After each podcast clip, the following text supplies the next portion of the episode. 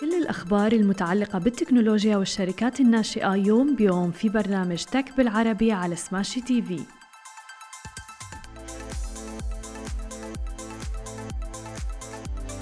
صباح الخير. عناوين اليوم الأنصاري للصرافة تطرح أسهمها للاكتتاب العام واستثمار في شركة سايبر مي ومنصة قريب توقع اتفاقية جديدة. يا أهلا وسهلا فيكم ببرنامجكم Tech بالعربي. معكم أنا هالة بسام ومعنا بخلف الكواليس علي. خلونا نبدأ أخبارنا لليوم ونحكي عن أول خبر معنا لليوم عن شركة الأنصاري للصرافة اللي عم تدرس طرح أسهمها في سوق دبي المالي أوائل العام المقبل. وفقا لأشخاص مطلعين مطلعين على هذا الأمر وفي إشارة أيضا إلى إنه الشركات عم تمضي قدما أيضا في خططها للاكتتاب العام على الرغم من التراجع الكبير والأخير اللي عم نشهده في شهية المستثمرين. أجرت شركة الصرافة ومقرها الإمارات العربية المتحدة محادثات أولية مع مستشارين محتملين بشأن الإدراج اللي قد يحدث في الربع الأول من عام 2023 وبالإضافة إلى ذلك واللي عم نشوفه قالوا بعض الأشخاص إنه التفاصيل هذه كلها أولية وقد تتغير في المستقبل. راشد الأنصاري الرئيس التنفيذي للشركة قال أنه عم بتقيم الأنصاري للصرافة فكرة طرحها للاكتتاب العام منذ فترة ولكن لم يتخذ أي قرار نهائي بعد. مضيفا أيضا إلى أن الشركة ستراقب السوق ورح تصدر إعلان وفقا لذلك. تأسست الأنصاري للصرافة منذ ما يقرب تقريبا من 60 عام ولديها حاليا أكثر من 200 فرع في دولة الإمارات العربية المتحدة مما بيجعلها واحدة من كبرى شركات الصرافة في الدولة. وبالإضافة أيضا إلى خدمات الصرف فهي بتقدم حوالات مالية وخدمات لدفع أجور العمالة المنزلية. وبالإضافة إلى ذلك برامج للإدخار حسب موقعها على الإنترنت. وأيضا عندها تطبيق جديد العديد من الأشخاص عم بيستخدموه لأنه سهل عملية آه، ما بين الرقمنة والأمور والخدمات المالية.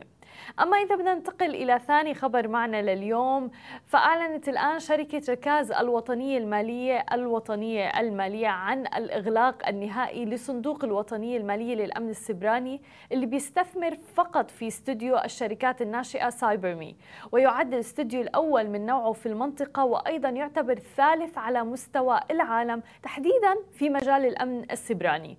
فيما لم تعلن الشركة عن القيمة المالية للصندوق ولكن عم بيعمل مؤسسو الاستوديو الآن عبد الرحمن وأيضا ركان ونواف وجوزيف باستمرار لإطلاق الشركات السعودية الناشئة في مجال الأمن السبراني والتقنية المالية. جنبا إلى جنب أيضا مع مؤسسين عم بيساهموا في بناء مستقبل أفضل لمجال الأمن السبراني في المملكة العربية السعودية. وقد حققت الشركات الناشئة المبنية داخل الاستوديو مثل تو فاست جوائز عدة في مجال الأمن السبراني حسب ما أورده بيان الشركة.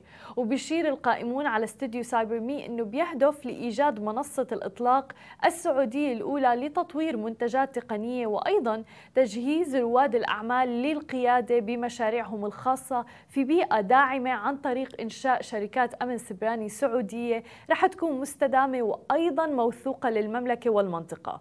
وكذلك حل مشكلة ندرة الشركات الأمن السبراني والتقنية المحلية وأيضا المواهب.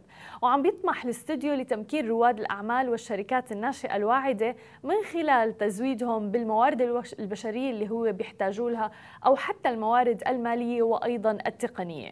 مما بيعطيهم فرصة كبيرة للتركيز فقط على إطلاق إمكاناتهم الحقيقية وإنشاء شركات ناجحة.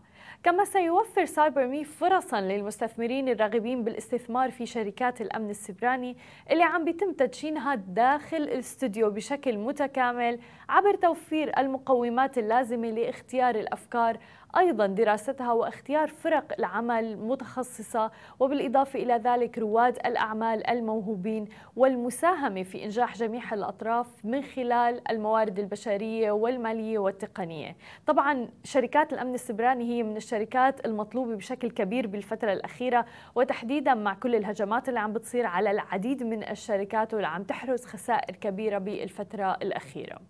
أما إذا بدنا ننتقل إلى آخر خبر معنا لليوم وقعت الآن منصة قريب للوساطة الرقمية في التمويل اتفاقية العضوية مع الشركة السعودية للمعلومات الائتمانية سما. بحيث رح تتيح لقريب الاستعلام عن الوضع الائتماني للأفراد والشركات والعمل على تزويد العميل بعروض التمويل المتاحة حسب وضعه الائتماني ونوع المنتج المطلوب. أسست قريب في عام 2018 تحديدا باسم سيارات دوت كوم من قبل وليد طلعت وعمر ومحمد دسوقي لتوفر لعملائها حلول الوساطة التمويلية الرقمية من خلال الربط مع جهات التمويل المرخصة من البنك المركزي السعودي. حيث عم تعمل على مساعدة عملائها في الحصول على الموافقات الفورية لمنتجات التمويل بما يتناسب مع وضع العميل الائتماني وأيضا ملاءته المالية وذلك من خلال المنصة وتطبيقات الهواتف الذكية. وحصلت الشركة أيضا على موافقة البنك المركزي الأولي لممارسة نشاط الوساطة الرقمية في التمويل تحديدا في أبريل 2021 وبتشير الشركة إلى أنها بتعمل حاليا على استكمال متطلبات الترخيص في مجال الوساطة الرقمية ضمن الأنشطة المساندة لنشاط التمويل من قبل البنك المركزي السعودي. ومثل ما ذكرنا عم نشوف في ضخ كبير للأموال بالفترة الأخيرة لهذا النوع من الشركات وتحديدا شركات الفنتك المتعلقة بالرقمنة والتقنية والأمور والخدمات المالية. هذه كانت كل أخبارنا الصباحية لليوم خليكم معنا بعد الفاصل مقابلتنا مع الكاتب عبد العزيز الرومي خليكم معنا ولا تروحوا لبعيد Okay, guys, we love smashy business news, but Augustus Media is much more than that. That's right, we are a content house, and along with Smashy, Augustus Media creates heaps of content, like the Love in Dubai show. I'm Casey, that's Simran. We're your hosts of the Love in Dubai show. ورجعنا لكم من جديد ومعنا ضيفنا عبر زوم الكاتب عبد العزيز الرومي. أهلا وسهلا فيك معنا اليوم. صباح الخير. أهلا هلا صباح النور. شكرا لوجودك معنا. حابين بداية نحكي أكثر عن مسيرتك في القيادة وتحديدا عن آخر كتاب تم إطلاقه. سلم ان شاء الله. أنا القيادة شغف عندي. اكتشفتها في عمر صغير. طبعا تبدا معانا هي في مسألة إن الكوميكس وبعدين قراءة التاريخ والأبطال وكذا. ومشت معي هذه نقول الشغف هذا آه، في العمل بالجامعة. وبعدين عملت switch من ال IT إلى ال HR من تقنيه معلومات إلى الموارد البشرية. ومشيت في طريق التدريب وإلى أن يعني وصلت إلى أعلى مراحل اللي هي تطوير القيادات. الحالية والمستقبلية في البنك الحالي اللي أنا شغال فيه بنك بوبيان وعملي الشخصي اللي هو consultation و coaching leadership and mentoring جميل. وكيف ساعدك عملك بال HR والموارد البشرية لفترة طويلة؟ يعني في مجال تنمية المهارات القيادية. ال HR دائما هو مثل ما تقول القلب النابض للشركة نسميها is not human resources heart rate of تمام؟ فهو يساعد المنظمة أو الشركة انه يطلع الأفضل في الناس.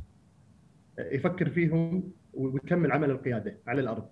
إذا فكرنا إحنا في ال HR على إنه هو شيء يعني خلينا نقول operational إداري بحت إحنا فقدنا القيمة الفعلية للإدارة هذه.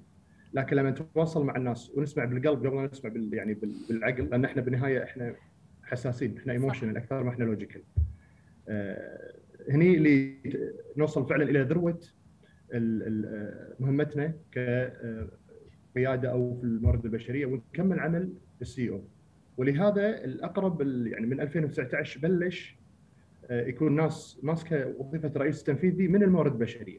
يعني ينتقل بدل الأول كان يكون CFO أو يكون أحد بال sales الآن بدأ الانفتاح إلى وتقبل تاثير ال chief HR officer ورئيس الموارد البشرية انه يكون قائد الشركات الحالية. وهذا تغيير جذري لأنه فعلا بالفترة الأخيرة يعني آه هو بيعرف كل شيء على الأرض هو بيعرف كل الموظفين واهتماماتهم وحتى يعني معاناتهم أيضا فبالتالي آه فعلا هو على دراية بهذا الشيء. ولكن أنا عندي دائما كان فضول تحديدا بمواضيع اللي لها علاقة بالقيادة. هل موضوع القيادة بيجي بالفطرة؟ هل في ناس بتخلق وهي هيك عندها شعور بالقيادية؟ أم هي مهارة ممكن الواحد إنه يتعلمها؟ هو مثل دائما نعطي مثال حق البنات. يعني لما تكون هي single شيء ولما تكون أم شيء ثاني. ما بيقول زوجة لما تكون أم. تطلع عندها super power غريبة. يصير عندها better time management الكير تكون aggressive في بعض الأحيان. فهي سؤال أبغى المسألة كلها عبارة عن القيمه أنا من القيمة عندي تتحرك تطلع آه، تبرز المهارات القيادية. في ناس عندهم قيمة إنه والله الإنجاز. فدائما تشوفون هذا الناس يعني سواء بالشباب والبنات آه، أو الرجال والسيدات دائما يكون يأخذون المناصب القيادية هذه. صحيح. هذه الشخصية.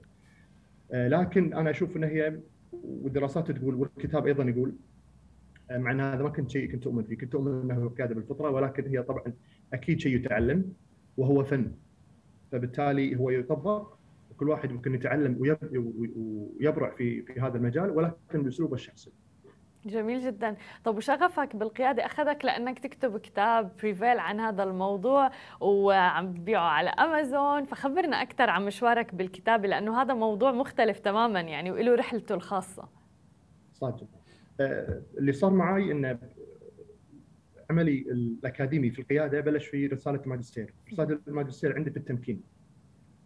كيف اني امكن الموظفين وبالتالي يكون أحسن من طريقة ال command control مثل ما يقولون. أو يكون عندي آه، مدير مدير أول تنفيذي وكذا.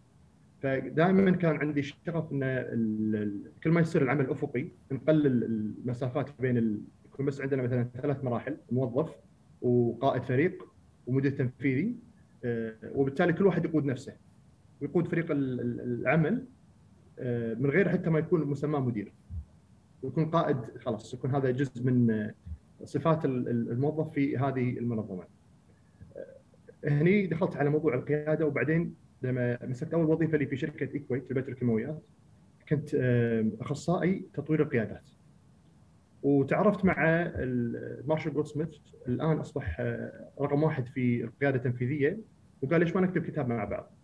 الكلام كان في 2012 آه، بعدين ما بعد كوفيد قررت أعمل عملي الشخصي وقلت طيب أبي أنا يكون عندي مسيرتي الخاصة. شنو بصمتي أنا الآن؟ آه، ما راح أستنى مارشال جولسميث أو غيره يقول لي خلينا نكتب كتاب. أنا شنو أبي ناس تعرفني؟ وأنا شنو أقدر أضيف للناس في خبرتي هذه الممتدة لأكثر من 17 سنة ونص تركيزي في موضوع القيادة وتطوير القيادات. فبرز الكتاب هذا ولهذا السبب عملته بالإنجليزي. آه، على أساس أطرحها حق قادة الفكر في هذا المجال. كون إحنا عرب دائما متلقين. وأنا قاعد آه، ألاحظ مثل ما يقولون اختلاف بين الثقافة الغربية والثقافة العربية. وكيف ممكن نطبق هذا الموضوع؟ فعلشان أتأكد أن معلوماتي صحيحة وفهمي واستنباطي للعلم هذا والفن هذا صحيح خاصة في بيئة العمل عملته بالإنجليزي وقدمته لمارشال جولد سميث وجاك زينجر من أكبر الناس آه، المؤثرين المفكرين في مجال القيادة والإدارة وال human resource والحمد لله أخذت منهم الدعم وحتى دعمهم موجود بالكتاب وتقديم حتى بالكتاب. والحمد لله يعني وصل إلى أن أصبح number 1 best seller في القيادة. كأول كتاب كاتب عربي في امازون جميل جدا. يعني ألف مبروك بداية. وثاني شيء يعني موضوع مشوار كتابة آه، كتاب أمر ما سهل فبحس شو أكثر تحدي هيك واجهته بمسيرتك؟ كتابة الكتاب ذكرني في كتابة رسالة الماجستير. هو حلو في البداية نحط الأفكار وبعدين ست مرات إلى يمكن تقريبا ثمان مرات نراجع الكلام اللي إحنا كاتبينه. وهنا يصير يكون التحدي ان نراجع الأمور اللغوية بعدين الأفكار بعدين الواحد يبدي يوصل مرحلة آه، يشكك في في نفسه صحيح. هل المعلومات صحيحة؟ هل أنا قادر ولا م... راح راح يعني مثل ما يقولون أتفشل قدام الناس ولكن نرجع مرة ثانية حق القيمة، أنا قيمة أكبر مني، مو مهم عبد العزيز الرومي، المهم إن القارئ يستفيد. فخلي القارئ يقرا يعني ويقيم يعطيني رأيه ومستعد انه يتقبل الرأي. وبالعكس أنت تجاوزت كل التحديات يعني صار نمبر 1 على امازون الحمد لله جميل جدا آه، بموضوع القيادة إذا بدنا نحكي أكثر عن هذا الموضوع هل برأيك كل شخص بمجال العمل وبالشركات لازم يكون عنده مهارة القيادة بغض النظر عن المسمى الوظيفي تبعه ودوره؟ آه، هذا أكيد لو بسألك مثلا عن هدفك الشخصي في الحياة راح يكون عندك المفروض يعني نوعا ما الصورة واضحة. كل ما تتبلور الصورة هذه كل ما يكون عندك القدرة أكثر على القيادة لأن في سبب أكبر. وكل ما تكون القيادة أكثر من منصب أو رقم أنا أحققه مثلا إني أكون مليونير أو يكون عندي شركة يكون هدف خدمي يخدم المجتمع يخدم الناس من حولي يلهم الناس من بعدي ومعي. كل ما تكون مسألة القيادة سهلة لأن القيادة يعني القائد المفروض يعني قولتهم they don't sell ice cream. ودائما نعمل قرارات اللي تخلي الناس سعيدة. بالعكس ممكن نخسر ناس. صحيح. ولكن للسبب الأكبر. دائما لسبب the greater good فالقائد لازم هو اللي يتخلص من كل شيء. وتنازل يكون أول الناس اللي تتنازل. حتى سايمون سينك عنده كتاب يقول leaders eat last صحيح. القائد يأكلون في الآخر. تمام. إحنا لا إحنا يمكن عندنا ياكل أول واحد يخلص ياخذ تكوي ف هذا هذا بيختلف. يعني القيادي غير. يعني القائد مثل ما تفضلتي هو قرار. لكن المدير هو مسمى. بالضبط. وهذا الشيء حتى في كثير ناس بيجوا بيحكوا لك إنه أنا خلص بدي اكون تابع بدي اكون follower أصلا وريح راسي يعني. صح. وما في باس ما في باس أه، حاليا لما باخذ إجازة يعني يمكن أنا آخر واحد أتأدى ان آخذ إجازة. طبعا هذا قراري أنا إن I want to lead by example على قولتهم. إن أكون أنا المثال القدوة. ممكن أنا أحط إجازتي أول واحد وأقول للتيم أنتم كلكم مسؤولين إن تعدلون إجازاتكم باللي أنا اشوفه مناسب. القرار لي بالنهاية. صحيح. أنا أقرر. إذا أنا كيف ابي تكون بيئة العمل؟ كيف الناس تفكر فيني؟ كيف الناس تحس بوجودي؟ هل أنا وجودي يضيف قيمة للفريق؟ يحمس الفريق؟ يخلق بيئة من التعاون والثقة؟ ولا لا؟ هذا أهم سؤال يساله القيادي. مليون بالمية. وإنت ذكرت موضوع كتير مهم وبتوقع نقطة جوهرية واللي هي lead by example لأنه الحكي كتير وممكن كتير في ناس تحكي أو حتى النظريات وإلى آخره. ولكن فعلا أنا لما بشوف القائد تبعي عم بينفذ الشيء اللي عم بيحكيه وعم بيطبقه على أرض الواقع أنا فعلا رح أتحمس. أنا فعلا رح يكون هذا الشخص محفز أيضا بالنسبة لي 100% ولهذا حتى الكتاب يكون عندي. تقولوا لي إذا أنا قاعد اناقض الكلام المكتوب بالكتاب ذكروني رجاء لأن هذا لي أنا من مصلحتي أنا ان دائما أتطور واعدل من نفسي. والشغلات اللي حطيتها في الكتاب هي مثل جايد لاين يعني أمور تمشي يمشي عليها أي قيادي أو شخص بيكون قيادي. يمكن يكون بيأخذ معلومة سريعة عنده اجتماع عنده كذا متوتر يمكن يرجع يقرأ الكتاب. مو لازم يقراه مثلا من على قولتهم cover to cover من البدايه من جلدة إلى جلدة. هذا الشيء رائع جدا أيضا. آه، وعلى سيرة موضوع الكتاب وتحديدا إنه الناحية ال business خلينا نحكي. آه، الكتاب لما الواحد بيعمل كتاب وبينشره أيضا هذا نوع من ال passive income اللي ممكن يحققه الشخص وهذا شيء أيضا مهم. هل كانت من الأهداف بالنسبة لك أيضا؟ صح بس لما عرفت إن الربحية تعتبر تقريبا 99 سنت من 17 دولار.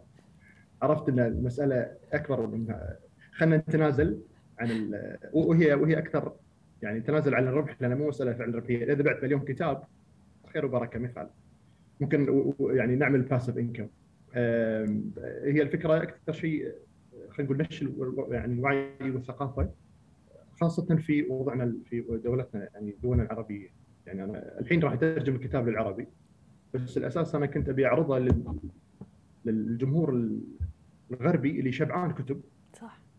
واشوف إذا في قبول فعلا معناته في إضافة لأن إحنا مو بس قاعد نترجم كلام إحنا قاعد نضيف فكرنا وبصمتنا الخاصة في الحياة. تماما ونوصل طريقة تفكيرنا وعن منطقتنا العربية. بس شو بتتوقع مثلا في فجوة خلينا نقول اللي ممكن فعلا أن نطورها بمنطقتنا العربية تحديدا بالأمور اللي لها علاقة بالقيادة؟ أستاذة مثل ما تفضلتي هو في عندنا تفكيرين. يا أنا نكون مثل القائد والإداري. نكون اوبريشنال فبالتالي إحنا نروح حق أماكن الضعف ونقومها. فإحنا عندنا مشاكل مثلا في الالتزام عندنا مشاكل في المهنية بشكل عام. يعني خلينا نقول بالوطن العربي بشكل بشكل عام. لكن أنا أعتقد لو نعمل نقلة جذرية حتى لما نعمل أعمل coaching أنا مع القادة دائما أشوف حق ال root الاساس الجذور. ما راح اساله أقول له مثلا أنت ليش تتكلم بصوت واطي علي صوتك؟ لا. أفهم ليش هو هل يمكن هو خجول في المجمل؟ فأنا أعتقد إحنا ك يعني مجتمع عربي لازم نؤمن بجذورنا وصفاتنا الخاصة مواهبنا إحنا الشخصية بصمتنا الشخصية. إحنا الحين قاعد نصير تابع للغرب هني راح نفقد. مهما راح نعمل راح نفقد. لأن نكون إحنا تبع. آه، لازم يكون نتعلم الأفضل من الغرب من الشرق من كل مكان. ولكن نرجع حق أصولنا. ويكون بصمتنا الخاصة في مجال القيادة. والنتائج هي واحدة. أن نبني ثقة في بيئة العمل آه، والإنتاجية تمام؟ وال- وال- وال- وال- والتحفيز والحماس للموظفين داخل وخارج نطاق العمل. مليون بالمية. ختامها مسك أستاذ عبد العزيز. وأيضا هذا الموضوع له تأثير مثل ما ذكرت رح يكون حتى على أرباح الشركة. هو خالص. آه، أمس أنا قاعد أتكلم عن. لأن إحنا نعمل خلينا نقول تقييم الأداء لل... للموارد البشرية بشكل عام وال- والموظفين. فدائما ال... شوف في المجمل بنوك الشركات تنظر ربحانه طبعا تنظر إلى مسألة ال turnover الناس اللي تترك صح. كم واحد ترك المؤسسه آه، بس هذا ناتج عن أمور كثيرة لو إحنا نركز ويعني الرئيس التنفيذي ينسى هذا الموضوع وينسى موضوع الأرباح ويركز فعليا على آه، اندماج الموظفين في العمل هذا كافي. أنا أعتقد لازم لازم تتغير الرؤية لأن بالنهاية ناتج مو بيدي ولا بيدك ولا بيد أحد. بيد رب مليون العالمين. مليون بالمية. فشلون ليش أنا اضغط نفسي على شغلة؟ ال- الأساس فيها هي ال process هي الرحلة مو مو مو الناتج. الناتج مو بايدي وهذا إن اكون يمكن اكون أكون number 3 مثلا في ال- في العالم فرضا لكن الأرباح زادت 10% لكن ممكن أكون أنا still number 5 بس ارباح زادت 30% اي هو الأفضل. تماما تماما. وهذا دليل كمان قد إيه مهم إنه حتى القادة نفسهم يستثمروا بإنه دائما يطوروا من مهاراتهم القيادية وأيضا مهارات موظفيهم أيضا. هذه أحسن الكلمة اللي قلتيها أحسن من كلامي قلته كله لا. لكن لا. كل الشكر لك أستاذ عبد العزيز وألف مبروك على الكتاب و number 1 على أمازون. شكرا. كثير لك ولوجودك معنا. شكرا جزيلا على الاستضافه شكرا. شكرا لكل الناس اللي تابعتنا. أنا بشوفكم يوم الاثنين بنفس الموعد. نهاركم سعيد جميعا. مثل ما وعدناكم أخبار جديدة ومقابلات مع رواد أعمال يوميا في برنامج تك بالعربي على سماشي تي في حملوا التطبيق الآن.